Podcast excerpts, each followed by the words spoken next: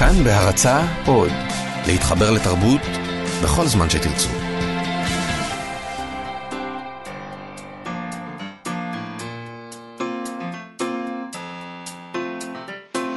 מה שכרוך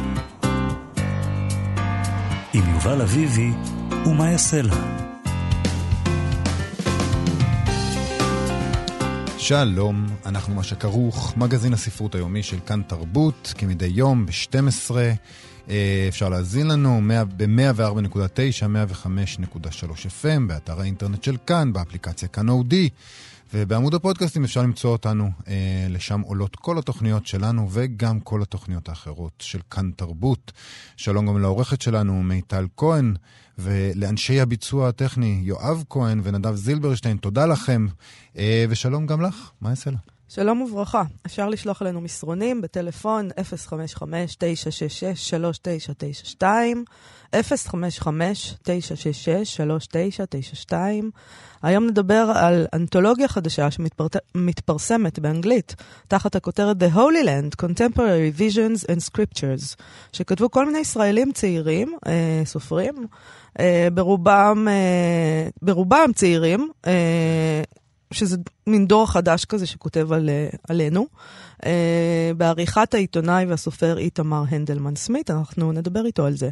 נדבר גם על התחלות של ספרים ועוד קצת על שכחה, יש לנו כמה חובות עבר ויש לנו סטטוס יומי. אה, ועוד כל מיני דברים, אבל נתחיל עם פרס המן בוקר, שאתמול זכה בפרס היוקרתי הזה, הסופר ג'ורג' סונדרס, על הרומן Lincoln in the Bardo, לינקון בברדו. אה, זה מעניין אה, קודם כל כי זה הרומן הראשון של האיש הזה. עד כה הוא נחשב לאומן הסיפור הקצר. בעברית ראה אור קובץ הסיפורים שלו, עשרה בדצמבר, בהוצאת כתר, בתרגום אמיר צוקרמן בשנת 2013 כבר. Uh, היה באז גדול מאוד סביב הספר הזה. ג'ורג' סונדרס הוא בן 58, חי בניו יורק, נולד בטקסס. חבר שופטי המן בוקר אמר עליו, הצורה והסגנון של הרומן המקורי הזה מגלים שנינות, חוכמה ונרטיב מרגש באופן עמוק. הסיפור הזה על הנשמות הרודפות והנרדפות בחיים שאחרי המוות של בנו הצעיר של אייברהם לינקולן, יוצר באופן פרדוקסלי דמויות מלאות חיים שמתקיימות בעול, בעולם האחר. הרומן הזה נטוע בהיסטוריה, הוא משחק עם ההיסטוריה, וחוקר את משמעות האמפתיה. עשרה בדצמבר, אה, אמרת שהוא לא הצליח אה, מסחרית בישראל, אבל... אני אה, לא יודעת, אני חושבת שהוא לא היה להיט כמו שציפו שהוא יהיה, לא כמו שהוא היה בעולם. בעולם הוא היה להיט? בטח. בעולם היה רעש מאוד מאוד גדול סביבו. ו... הוא נחשב ל... אני חושבת אחד הספרים הכי מוכרים של 2013, לפי הניו יורק טיימס, כן. אני, אני זוכר שקראתי הרבה מאוד ביקורות מאוד חיוביות עליו, ועיתונאי כלכליסט והסופר אמיר זיו כתב בזמנו, נפעם על הספר הזה, עשרה בדצמבר, אני נרגש משום שנתקלתי ללא הכנה מוקדמת במעשה אומנות אמיתי. כמו שורש אוויר שיורד מעץ טרופי עבות אל הנהר הזורם של חייך, אינך מצפה לו, אבל ידך שנתקלת בו במקרה נאחזת באינסטינקט ולמשך כמה שניות אתה מתרומם בעזרתו, מוציא את הראש מחוץ למים, נושם מלוא הפה ומתבונן סביבך. יפה שם בחוץ, אתה מצליח לומר, כבר שכחתי כמה יפה יכול להיות לפני שהיד נחלשת ומשחררת, ואתה צולל בחזרה אל זרימת היומיום הבנאלית.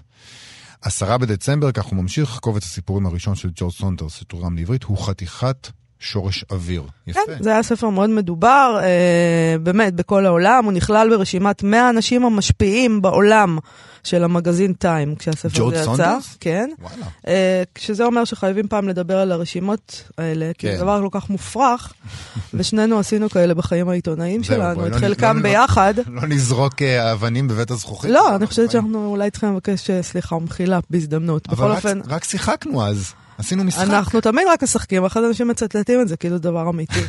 אה, באופן הזה, ג'ורג' סונדר זה אחד מהאנשים המשפיעים של 2013, שזה באמת... אה, וכמו שאמרתי, הניו יורק טיימס מנה, מנה אותו כאחד מעשרת הספרים הנמכרים ביותר של 2013. אה, גם ידיד התוכנית שלא בידיעתו, ג'ונתן פרנזן, אמר עליו, שוב ושוב מוכיח סונדרס שכתיבה אחרת, חתרנית, מוזרה, אינה זרה לרוח הקפיטליסטית של האומה, אלא היא התגובה הטבעית והאפקטיבית ביותר לה. אנחנו בני מזל שזכינו בו. אז אפרופו קפיטליזם, בגרדיאן התפרסמו אתמול כמה נתונים די מדהימים לגבי המועמדים לבוקר השנה, למן בוקר. Uh, אתה יודע, אנחנו תמיד חושבים שאנחנו מסכנים כאלה, כי השוק כאן קטן, מספר דוברי וקוראי עברית מועט, ולכן גם ספר מצליח מוכר רק כמה אלפי עותקים, אם הוא ממש מצליח עשרות אלפי עותקים, חוץ מיובל נוח הררי, שמוכר מאות אלפי עותקים.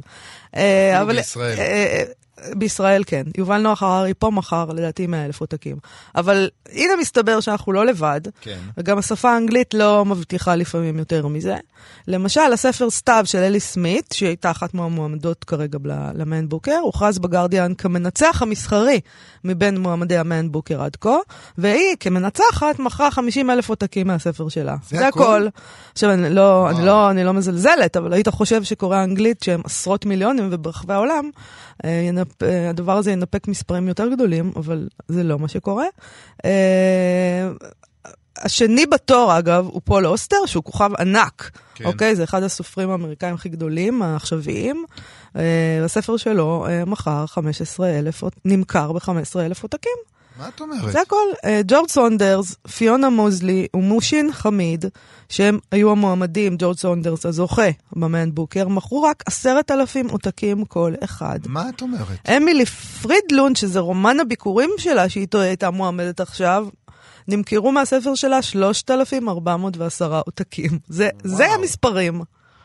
אה, זה מדהים. זה, זה מדהים. יכול, אני מניח שמדובר על המכירות בבריטניה, לא, כן, ב, נכון. לא בארצות הברית. נכון. כי, כי פול אוסטר בארצות הברית לא יכול להיות שהוא מכר רק חמישה, למרות שאם כן... זה לא, לא. אני מניח שמדברים על מכירות בבריטניה, ועדיין אה, פול אוסטר מוכר 15 אלף עותקים בבריטניה, זה ממש ממש אה, מעט.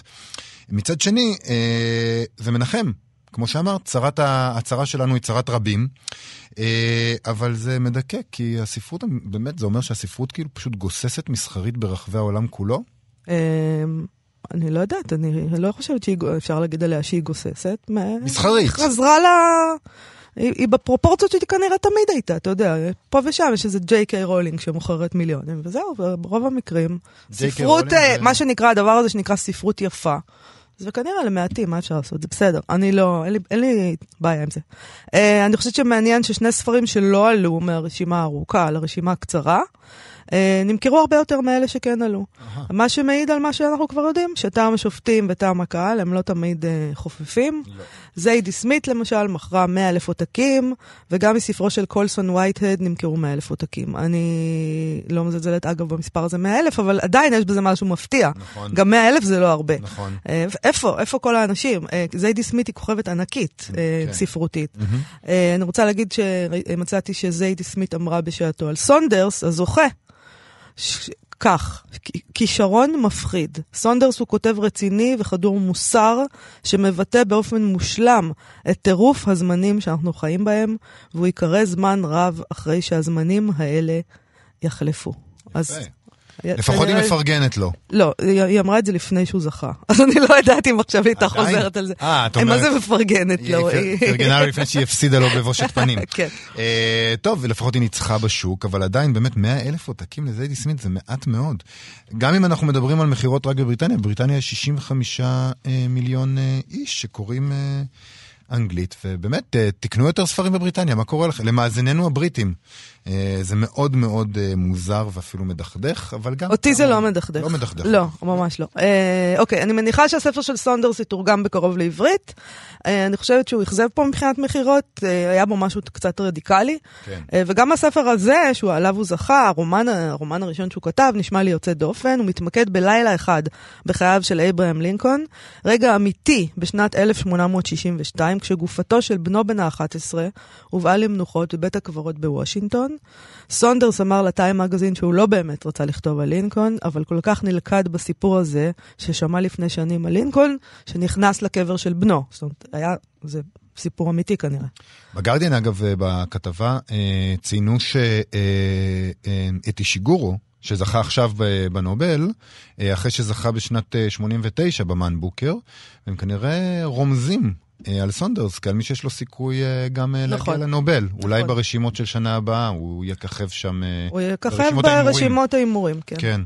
היו עוד זוכי אה, מן בוקר שזכו אה, אחרי זה בנובל, נדין אה, גורדי, אה, גורדימר, אה, נייפול, אה, וויליאם גולדינג, קוטזי, דוריס לסינג. אה, טוב, ומדובר על 50 אלף לירות סטרלינג, אז אה, באמת, אה, ברכות לסונדרס. ברכות בהחלט. ברכות.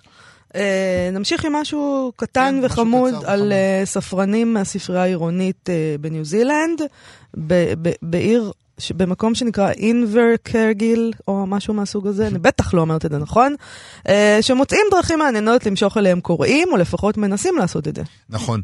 אה, הספרנים הניו זילנדים האלה הצטלמו לתמונה שמשחזרת אה, את צילום איקוני, שהפך להיות איקוני בזמננו, של משפחת קרדשיאנס. אני לא הייתי נותנת לזה את לא הכינוי איקוני. לא, לא. בסדר, אני מניח שאני עשית, עשיתי פה זילות למונח איקוני, אבל בתמונה הספרנים יושבים על ערימת ספרים בפוזה קרדשיאנית אה, קלאסית, אה, כשבתחתית מופיע הכיתוב Keeping up with the Liberians, בפרפרזה על Keeping up with the Kardashians, זה שם התוכנית. נכון. אה, אפילו ראיתי אותה איזה פעם, פעמיים. אני ראיתי אותה הרבה פעמים. והיא טובה? תוכנית אה, מאוד משעשעת, אני מאוד מחבבת את התוכנית, אבל כל הרעיון זה שזה trash, אז כאילו, אתה יודע, אתה אומר את זה, אתה אומר קרדשיאנס עם המבטא הזה, זה נשמע כאילו מדובר במשפחת אצולה. מדובר ב white trash אמריקאי, כאילו. אני מבחינתי, הם לא white, הם איראנים, לא? הם, ש- לא, הם ארמנים. ו- ארמנים. ועכשיו אתה, כאילו, זה שיא הגזענות שאי פעם שמעתי ממך. כאילו, למה? הם לא ווייט, הם ארמנים כאילו, כי במקור לפני שלושה ארבעה דורות הם באו מארמניה, אני לא ועכשיו, יודע, האמריקאים מבחינתך... מגדירים אותם כווייט. טוב, נעבור הלאה, אוקיי. בואי נדלג מעל הדבר הזה מיד. בבקשה. נחזור לספרות. כן. הספרנים ציינו, שה, ציינו שהתמונה שהם אה, מפרסמים היא מחווה לעשור מאז שהושקה התוכנית, ה, מאז שהופעתם הראשונה של הקרדשיאנס על המסך.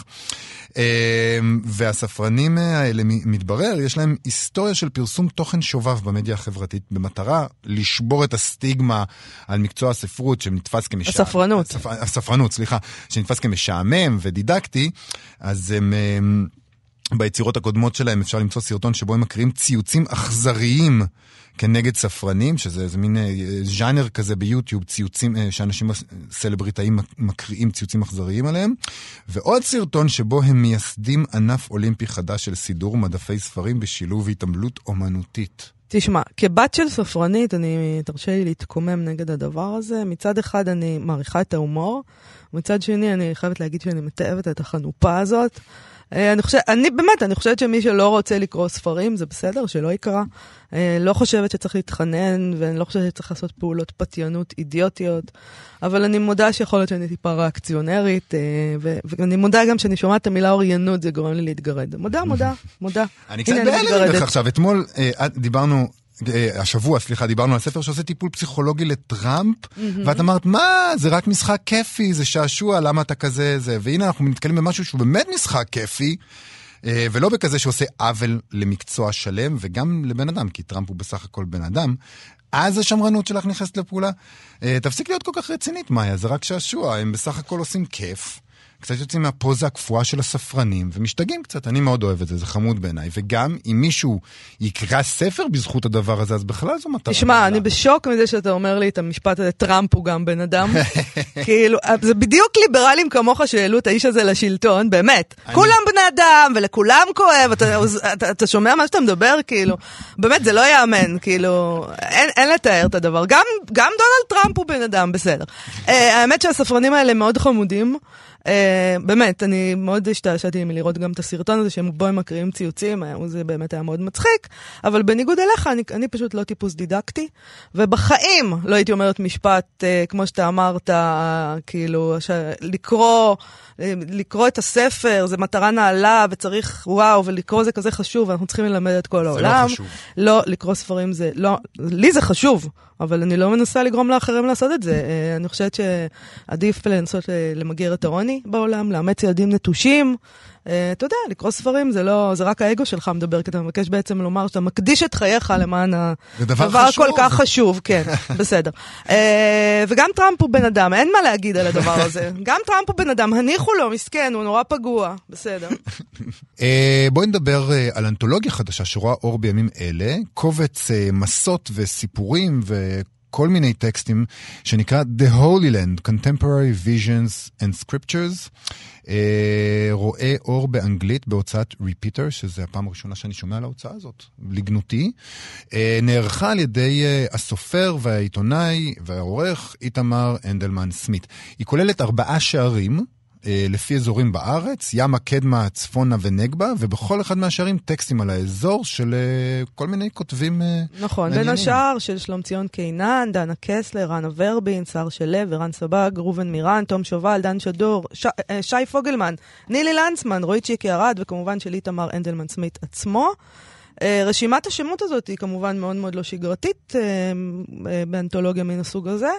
אה, ברור שלא מדובר פה בחשודים הרגילים שכותבים באוספים מהסוג הזה, אתה יודע. אה, זה, זה הדור הבא, זה כן, הדור חדש. ייצוג חדש של ישראל. נכון, עולם... וכל הדבר הזה, אני מניחה, אני לא יודעת אם אמרנו את זה, אבל כל הדבר הזה יהיה באנגלית. כן. אנחנו עכשיו... לא הקהל שלו. לא, יצא בבריטניה ובארצות הברית, ויגיע גם לישראל, אבל באנגלית. איתנו עורך האנתולוגיה איתמר הנדלן סמית, אה, שגם נזכיר, הרומן שלו, לפני שמש, ראה אור בהוצאת כתר לפני חודשים ספורים. שלום איתמר.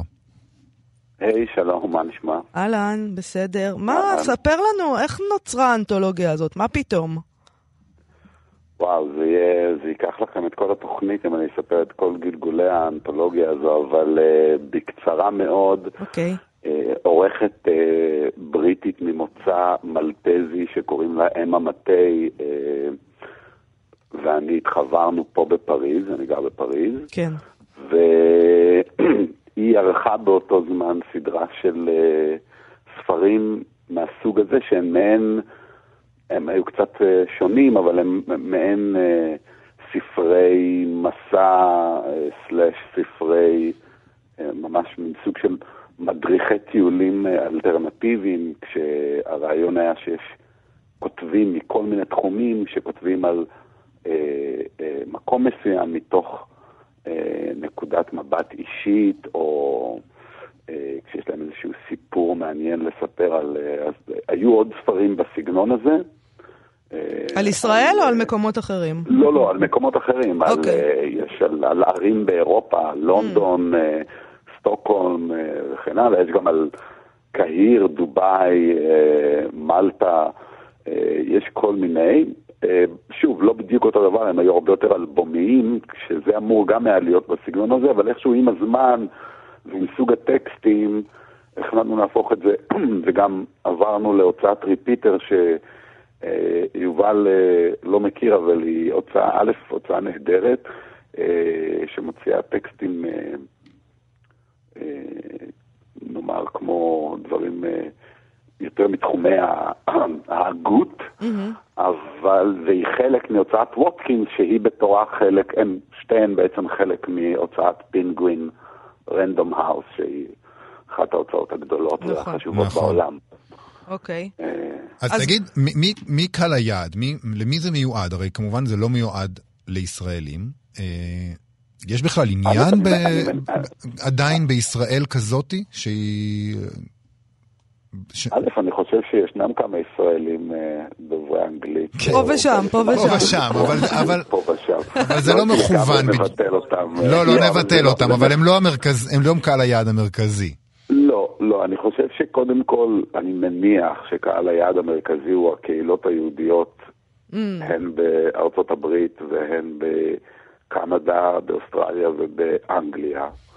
אה, זה קהל היעד המרכזי, ואני מניח שיש עוד קהלי יעד של כל מיני אה, נוצרים אה, שמתעניינים בהולי לנד, אה, או כאלה שחושבים לעשות איזשהו מסע עלייה לרגל כזה אחר. כמובן שהטקסטים הם מאוד לא, הם לאו, לא, מאוד לא, הם לאו דווקא תיאולוגיים או רליגיוזיים, או ההתייחסות להולי לנד זה פשוט הסיבה שבחרתי בשם הזה, כי זה היה נראה לי כמו... השם שמקובל על כולם לפסקי פיסת האדמה הזו. אז כן. איזה, איזה, איזה ייצוג של פיסת האדמה הזאת יקבלו כל הקוראים האלה? מה מצאת? איזה מה... ישראל עולה שם מה, מהדברים? איך אנחנו נראים מתוך הטקסטים האלה? מבחינתי, כמו שאתם ציינתם, כיוון שמדובר באסופה של כותבים אה, ויוצרים מתחומים שונים, לאו דווקא שם גם סופרים ועיתונאים וגם אנשי אקדמיה וקולנוענים ואמנים וכן הלאה, אני חושב שהתמונה שמתקבלת היא מבחינתי איזושהי מראה של ישראל העכשווית, אה, ישראל או, וגם אה, אה, השטחים הפלסטינים, שיש אליהם התייחסות כמובן. כן. ומין איזשהו רצון, כל הספרים שאני ראיתי או שאני מכיר שבאים אה, אה, אה, לדבר על ישראל במובן של אה, אה, בואו תבקרו בישראל, נותנים איזושהי תמונת מצב או סתם אה, תיירותית או מאוד שטחית מהרבה בחינות, כלומר האנשים שכותבים אותם בדרך כלל לא מקומיים והם לא אה, באמת מבינים את המורכבויות של החברה הישראלית והתרבות הישראלית. והרצון היה לתת בעצם איזושהי תמונה עכשווית, מעודכנת, אה, ומכל מיני זוויות. כשדנה קסלר כותבת על אורי זוהר ומציצים, שזה אבן דרך בתרבות הישראלית, ומצד שני שלום ציון קינן מספרת את ההיסטוריה הדי מדהימה של הבית שלה ביפו, mm-hmm. וערן סבג כרגיל אה, מדבר על הקשר בין בלוז לחסידות וארץ ישראל. אה, אז כל אחד באמת בוחר, בחר את הדבר שמעניין אותי. ניני לנצמן כתבה סיפור אישי יפה על המשפחה שלה, על סבא שלה, שלחם בתל חי. על הקיבוץ. כן, mm-hmm. ושי פוגלמן על... אה, כתב על אה, אה, כיבוש הגולן על ידי אבא שלו, והעובדה שהוא היום איש שמאל שמתנגד להחזקת הגולן, וכן הלאה. זה דברים... אני, אני בדיוק היום מסתכל, קורא קצת הארץ אונליין, ואני רואה את התמונות מההרס של... קולנוע אלנבי, אלנבי 58, כן, כן. ויש שם סיפור שלי, סיפור די ישן, אני מוכר, זה אחד, דווקא סיפור שלא נכתב במיוחד לצורך האנתולוגיה, אבל uh, לקוח מספרי הראשון, אבל הוא, הוא, הוא כולו מתרחש באלנבי 58, ופתאום חשבתי, מבלי שממש התכוונתי לכך כמובן באותו רגע, כתבתי משהו שהוא בעצם יש לו איזשהו ערך היסטורי ממש, כי אין את המקום הזה יותר. נכון, וגם אלה שיקראו את זה ויבואו לתל אביב לראות, לא ימצאו. לא ימצאו את זה. תגיד, איתמר, אתה כבר כמה שנים לא חי פה. אה, אני מבינה שהיית בהתחלה באנגליה, ועכשיו אתה בפריז. ורציתי לשאול אותך, האם אתה מוצא את עצמך הרבה פעמים שם בתפקיד המסביר הלאומי, זה שבאים אליו הישראלי, ישראלי המחמד אולי, אה, שצריך להסביר אותנו? יש, אה, זאת הסיטואציה שלך בעצם? אמ, זאת, בוא נגיד, זו סיטואציה שלפעמים מנסים אה, למקם אותי בתוכה. כן. אבל אני ממש משתדל לא להתמקם בה.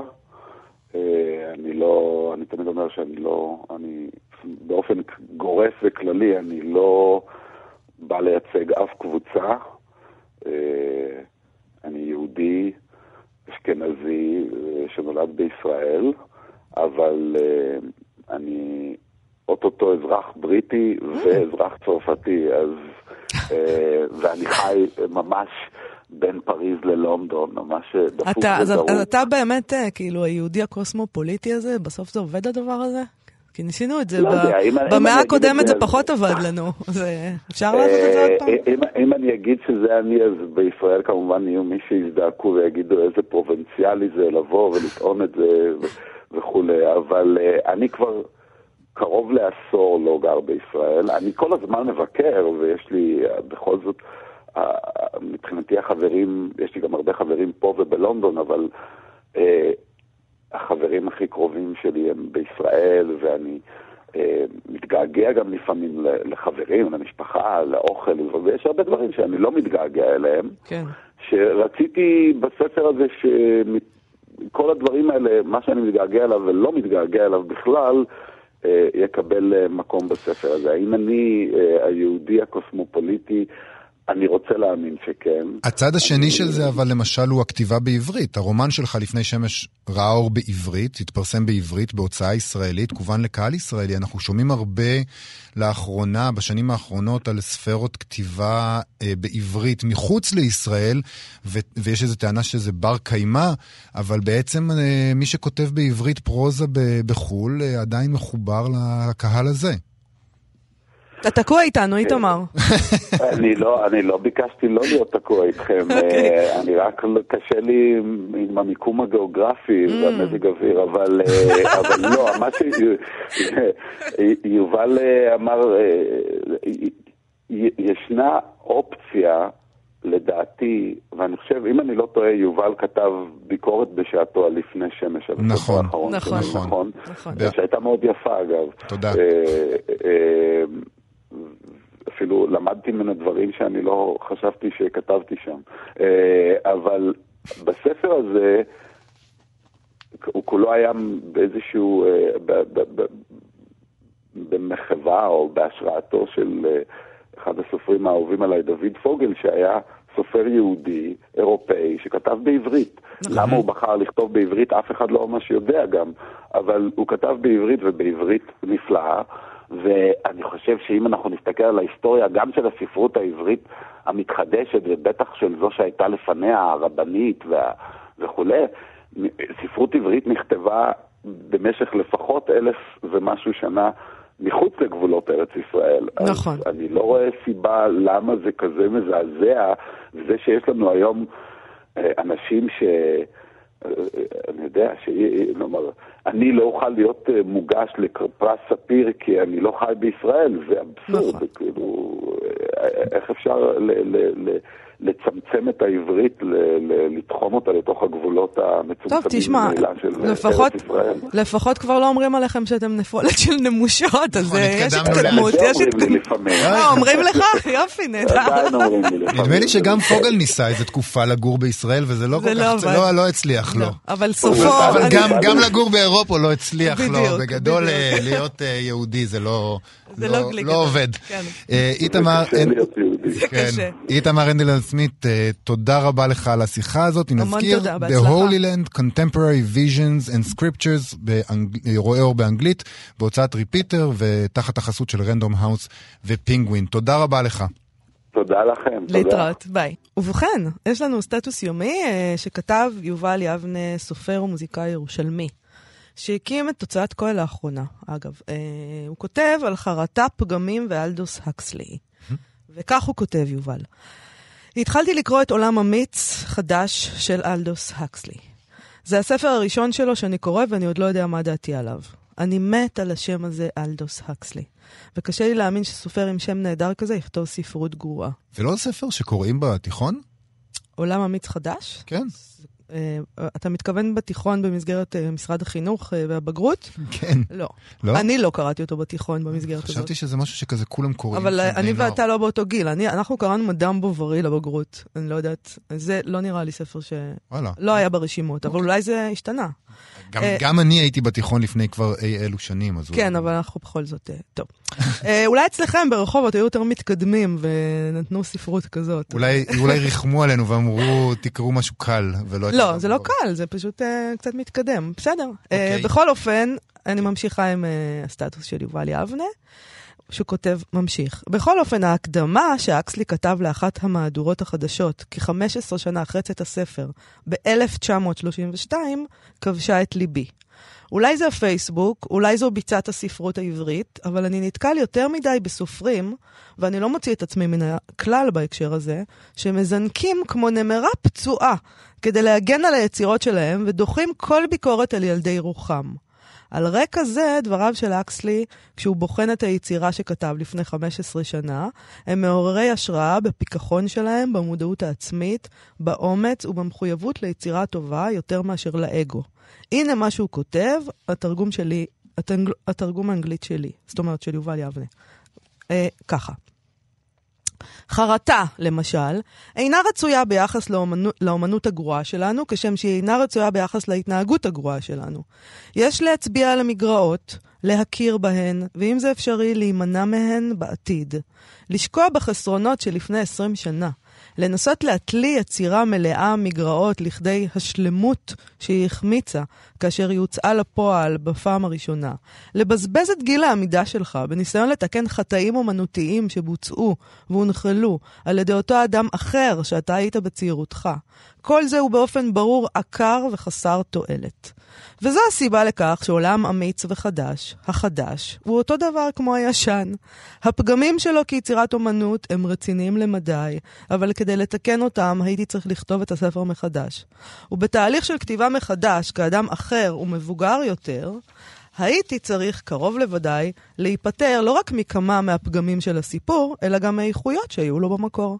לפיכך, מתוך התנגדות לפיתוי להתפלש בחרטה אומנותית, אני מעדיף להניח גם לטוב וגם לרע ולחשוב על משהו אחר. להתפלש בחרטה אומנותית, זה... זה פשוט מקסים. האמת שזה טקסט הוא, נהדר. הוא, הוא כתב את זה כהקדמה לספר, אוקיי? זה נהדר, אני חושב שזה באמת נהדר. אני לא זוכר מי זה היה. נדמה לי שהיה סופר שאמר שאם הוא היה יכול, הוא היה עורך את ספריו לנצח. חיפשתי את זה אה, אתמול בגוגל ולא לא מצאתי מי זה, יכול להיות שהמצאתי את זה, אבל אני חושב ש... לא, אני גם, זה מוכר לי הדבר הזה, כן.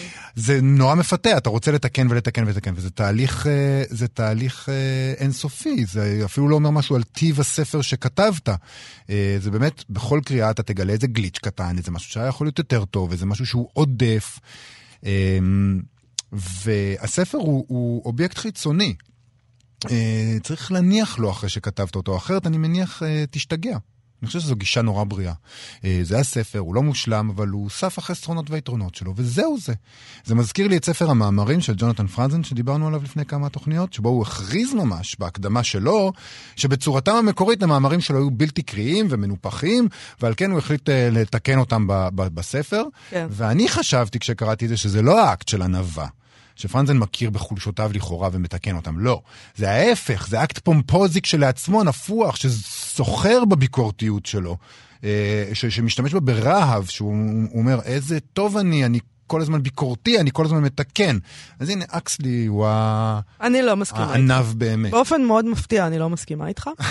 אה, אני חושבת שזה לא אותו דבר. פרנזן תיקן רשימות עיתונאיות בעצם, שפורסמו בעיתונים קודם לכן, ונראה לי שאם אתה מעביר רשימה עיתונאית לספר, אפילו כדאי מאוד שתעבור עליה אחרי שנים ותתקן אותה. כי עכשיו כבר לא הולכים לעטוף בזה דגים, אלא עכשיו זה לנצח, וכדאי שתסתכל על זה עוד פעם. זה ממש ממש לא אותו דבר, אני נורא מצטערת, יובל. שוב אתה טועה. לא נורא, בטח אתה כבר רגיל. אני מתרגל, מתרגל. אוקיי.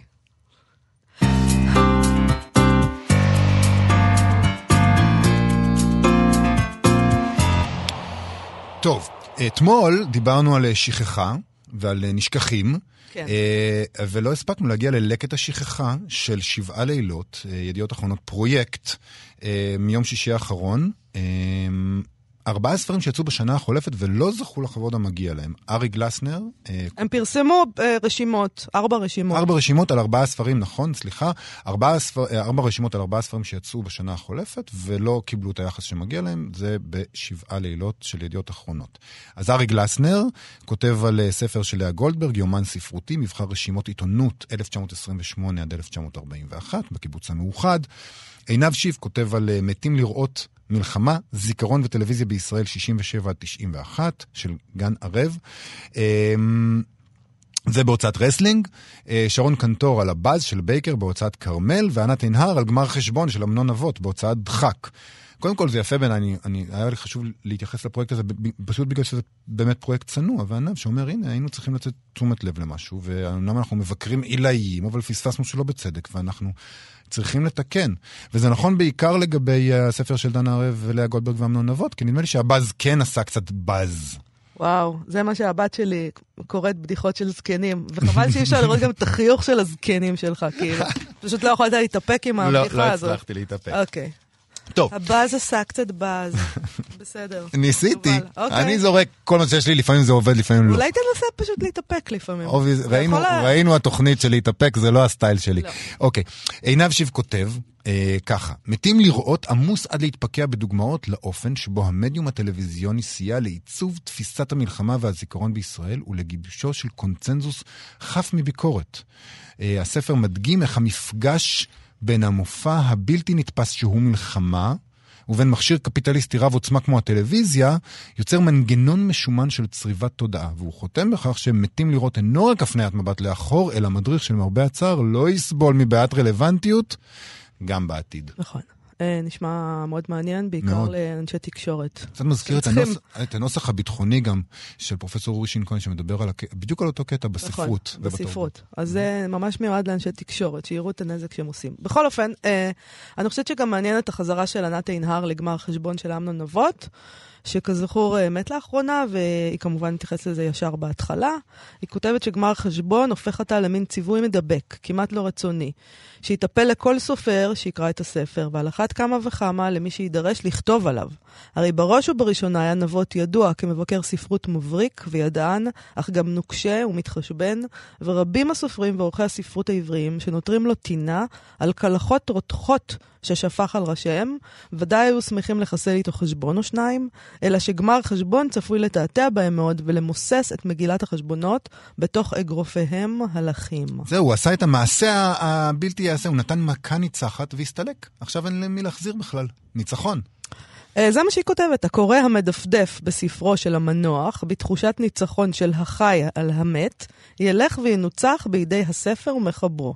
היא מסבירה שהוא תובע מהקורא התמסרות מוחלטת, אבל מצד שני בוגד בו ומתעתע בו, ואפילו משלים לדבריה מעגל של חיי יצירה בפיוס ובנדיבות. טוב, זה לא נשמע כמו נבות בכלל. יכול להיות שהביקורת הזאת נכתבת מתוך מבט קצת יותר רך ומקבל בגלל אה, מותו המצער של המחבל. או, או, כן, או זה או מתוך כך שענת עינהר זכתה לביקורת אה, טובה מאמנון נבות, אז מבחינתה כמובן שהוא גאון שאין כמוהו, מבין בספרות, וכן. הביקורת הכי יפה שם בעיניי של ארי גלסנר, אה, או לכל הפחות היא, היא הכי מושכת לקריאת הספר שהוא כותב עליו. לאה גולדברג כאמור, אה, זה אה, ספר שמאגד רשימות וביקורות שלה בעיתונות העברית בשנים 28 עד 41. כך הוא כותב, בסמכותיות משכנעת, בזמן אמת, כותבת גולדברג מהפרובינציה על יצירות המטרופולין. תומאס מן, וירג'יניה וולף, אלדוס הקסלי, תומאס וולף, רבים אחרים. איזה כיף זה, תארי לעצמך, לכתוב על כל אלה בזמן שהם מפרסמים ממש. למה? מה, מה הכיף בדבר? אני לא מבינה מה זה כיף. מה שונה בלכתוב, או קודם כל כדאי לקרוא את תומאס מן ברגע שהוא יוצא, לבין לקרוא אותו שנים אחרי, כי נולדת מאוחר. כאילו, זה היתרון בספרות גדולה, שהיא נשארת לכל הדורות. מה זה משנה מתי קראת אותה? לא יודע, לי זה מרגיש אחרת. מה נראה לך כיף בלהיות אז? מה, נגיד, להתקדם לקראת אה, מלחמת העולם השנייה, כן, זה השואה? איזה, מין זמן כיפי זה היה בדיוק. בהיסטוריה האנושית? ליהודים בעיקר. אה, פחות. גלסנר מתייחס לזה בביקורת שלו, הוא מציין שגולדברג כותבת מגרמניה של ראשית שנות ה-30, אבל היא מסרבת, לפי הביקורת שלו, להכפיף את הספרות לאקטואליה. לא משום שהיא מנותקת, כאילו אפשר היה באותם ימים להיות מנותק, אלא משום שהיא סבורה שהספרות והאומנות הן המרד הגדול בכוחות הרשע, חלק אינטגרלי מהמלחמה בפשיזם ובנאציזם. יש שם בספר, לפי גלסנר, גלסנר, סליחה, דיונים מאלפים בספרות סינית, בביקורות תיאטרון, זיכרונות אוטוביוגרפיים, רשמי מסע, ולגלסנר זה עושה חשק להיות מבקר, להיות קורא, לשמוע עוד ממורה בקיאה ומעודנת כל כך, ויותר מכך, הוא מחזיר ומזכיר את האמון בספרות העברית. זה נשמע אה, פשוט נשמע נפלא. מדהים, אה, ובא לקרוא את הספר הזה של לאה גולדברג, וגם בא לקרוא את הביקורות של ארי גלסנר. זה. נכון. הוא כותב מאוד מאוד יפה. נעשה אה, הפסקה לשיר עכשיו? לא, אני חושבת הלאה? שאנחנו לא. נעשה המלצות, קצת המלצות על אירועי סוף השבוע, בסדר ואז גמור. ניפרד. אה. ראשית, בוא, אה, אנחנו ציינו את זה אתמול, אבל אני רוצה להזכיר שהיום בערב בתשע וחצי, במסגרת סדרה לשירה עברית, התקיים בתיאטרון תמונה בתל אביב, ערב שבמרכזו שירתו של חזי לסקלי, אה, משורר ענק. אה, השתתפו בערב זה מאיר ויזלטיר, אריאל הירשפלד, אלי הירש, יואב גינאי, גבי אלדור, ענת לוין, מאיה גורדון, קרני פוסטל. ועוד מוזיקאים, וכל הדבר הזה נעשה, ב... כל הסדרה הזאת עורך הסופר חגי ליניק. זה נשמע נהדר. נשמע מאוד מעניין. מאוד. אה, כמו כן, אה, מחר במרכז נווה שכטר בתל אביב, תחת הכותרת זיכרון דברים, 70 שנה בספרות העברית, תתחיל סדרה של שבעה מפגשים אה, פעם בחודש, שמטרתם לבחון תופעות ושינויים בחברה הישראלית בכל עשור מאז ועד היום. אה, מתחילים בעשור הראשון, עם אה, הוא הלך בשדות ולאן הוא הגיע. דוקטור גבריאל בוקובזה ידבר על גבריות בישראל, אה, מה עבר ועובר על הגבר הישראלי מקום המדינה ועד ימינו. סל- אני אה, חושבת שזה היום, לא מחר. היום? נכון? היום ה-18. היום ה-18, כן. סליחה, אז אה, כל זה הדבר הנהדר הזה, הוא הלך בשדות, ולאן הוא הגיע? אה, קורה היום, בשעה שמונה, במרכז נווה שכטר, רחוב שלוש, נווה צדק. אה, גם נשמע מעניין מאוד. מאוד. מי שרוצה לאגור ספרים, אגב, יוכל לעשות את זה בספריית בית אריאלה, תתקיים שם מכירת ספרים עודפת ביום שישי הקרוב, בין השעות תשע לאחת. כל ספר יעלה שם שלושה שקלים בלבד. שלושה שקלים. לא יאמן. יהיו שם אלפי ספרים עודפים שיוצאו למכירה, ושווה לחטט, ובטח יש שם אה, מציאות נחמדות. יש לנו זמן לקרוא מסרונים שקיבלנו? רצית להגיד משהו? יש. מס... אני רציתי להגיד שאני נורא רוצה ללכת לבית אריאלה לקנות את זה, אבל נראה לי שלא לא, אני- יכניסו אותי משם- הביתה. אני יוצא משם עם מאות ספרים, כן. מאות ספרים. זה נורא מפתה. יש. איזה מסרונים קיבלנו? אז ככה, אה, מסרון שמאוד מאוד חשוב כן. אה, לי להקריא אותו. אוקיי. הפעם, מאיה יקרה, יובל צודק. גם לא. טראמפ בן אדם. לא, לא על זה. אה, אני מתה על ההתנגחויות שלכם, כותבת לנו, אה, אוי, עשה לי רפרש. הייתי צריך לבטל את הרפרש של האוטומטי. אה, בקיצור, היא אומרת שהבת שלה כתבה, חזר, סליחה, חזר. נבטל את הרענון האוטומטי. למרות שאני מתה על ההתנגחויות שלכם, אז כן, בתי שסיימה תיכון ב-1988, הכינה עבודה בספרות השוואה בין אלדוס הקסלי, עולם חדש ואמיץ, ו-1984 של ג'ורג' אורוול. יפה. אז צדקתי, וזה היה ב-1988. זה לא היה כזה ויכוח, רק אמרתי שבזמן, לא, ש- שאני לא למדתי את זה. אגב, זה לא אומר, יכול להיות שזו הייתה הבחירה שלה, יכול להיות שהיא לא הייתה חייבת לקרוא את זה, אני לא יודע. אבל אני אוהב שהמאזינים שלנו אה, אומרים שאני צודק. כן, ואני די- די אוהבת להיות במיעוט, כך שזה בסדר. אז אנחנו כל אחד מקבל פה את מה כולנו שהוא אוהב. בקומפורט זון, זה אה, בסדר. אנחנו סיימנו להיום וסיימנו להשבוע, אה, כי אנחנו כאן רק מראשון עד רביעי, והיום יום רביעי. אה, נהיה פה שוב ביום ראשון, בשעה 12, ב-104.9 או 105.3 FM, באתר האינטרנט או באפליקציה, והתוכניות שלנו עולות גם לעמוד הפודקאסטים של כאן תרבות. תודה רבה לעורכת שלנו מיטל כהן, אה, תודה רבה לנדב זילברשטיין ויואב כהן. שבת שלום, לכשהיא תגיע. כן? ל- סוף- מבחינתנו סוף השבוע. סוף שבוע נעים, רב- רבעוש נעים, להתראות.